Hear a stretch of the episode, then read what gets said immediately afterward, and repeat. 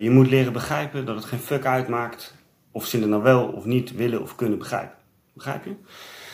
Deze, net als alle andere quotes, die komt, uh, quotes komen of uit een sessie met een cliënt. Dat ik denk van, nou, dit is briljant, dit moet ik delen. Of een gesprek uh, wat ik met iemand heb gevoerd over een uh, interessant onderwerp. En zo ook deze quote. Hier ging het om iemand die last had van familie en dacht, ja, maar ze begrijpen het niet. En wat, maar toch op zo'n manier dat ze zelf ja, er eigenlijk best wel gevoelig van werd. En ik het idee kreeg van, nou ja, hier moet ik iets briljants op gaan zeggen. En toen uh, is deze geboren. Waar het om gaat, en dat is met ergens, als het gaat om ergens overheen komen of verder kunnen of iets kunnen achterlaten, dan is het vaak waar het hier om gaat. Dat mensen die focussen zich heel erg op, op die ander, op diegene die jou heeft pijn gedaan, om het zo te zeggen. Dat kan een ex-vriendje zijn, dat kan je vader zijn, je moeder of iets wat er ooit gebeurd is. En daar blijven ze maar aan vasthouden. Dat is, ja, maar zij hebben het fout gedaan. Of dat klopte niet. Of die ander heeft mij iets aangedaan. En dat, ja, dat, dat kan best zo zijn. Maar je hebt die ander niet nodig om verder te kunnen gaan. Dat is echt iets wat je zelf moet doen en zelf kan doen ook. Waar het om gaat bij ergens overheen komen, is het, vaak drie dingen. Of een combinatie van die drie dingen. Je moet mensen kunnen vergeven.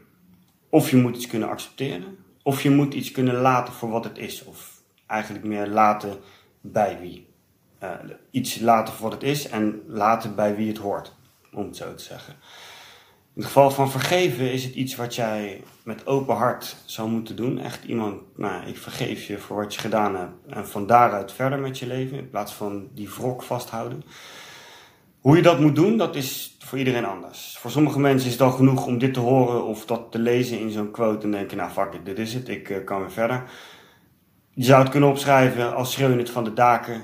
Als je een coachingstraject hebt en je hebt een coach die dat begrijpt, dan kan hij of zij je daarbij helpen. Je kan bijvoorbeeld familieopstellingen doen uh, om iets binnen de familiesfeer op te lossen of wat dan ook. Binnen NLP zijn zat van die uh, oefeningen die je daarvoor kan gebruiken.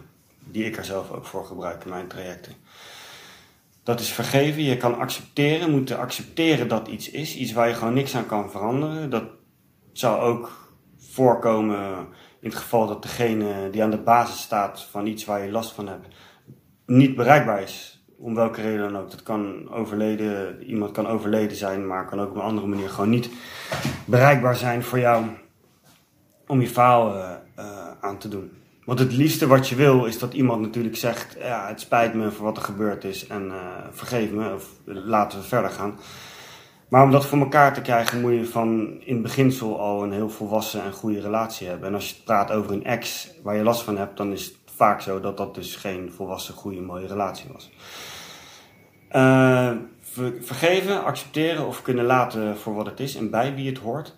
Dat is een hele belangrijke. Heel veel mensen die zitten met iets, die hebben wrok of die voelen druk of last op hun schouders van iets wat eigenlijk helemaal niet hun probleem is. Iets wat ze vroeger continu maar gehoord hebben, bijvoorbeeld, of iets wat in een vorige relatie voor hun voeten werd gegooid en wat ze hebben opgepakt als zijnde, nou dat is nu mijn probleem. Maar ja, is dat wel zo? En hoe je daar, hoe je daar voor de rest overheen komt en achterkomt, ja, dat is dus iets wat je voor jezelf zou moeten gaan bepalen.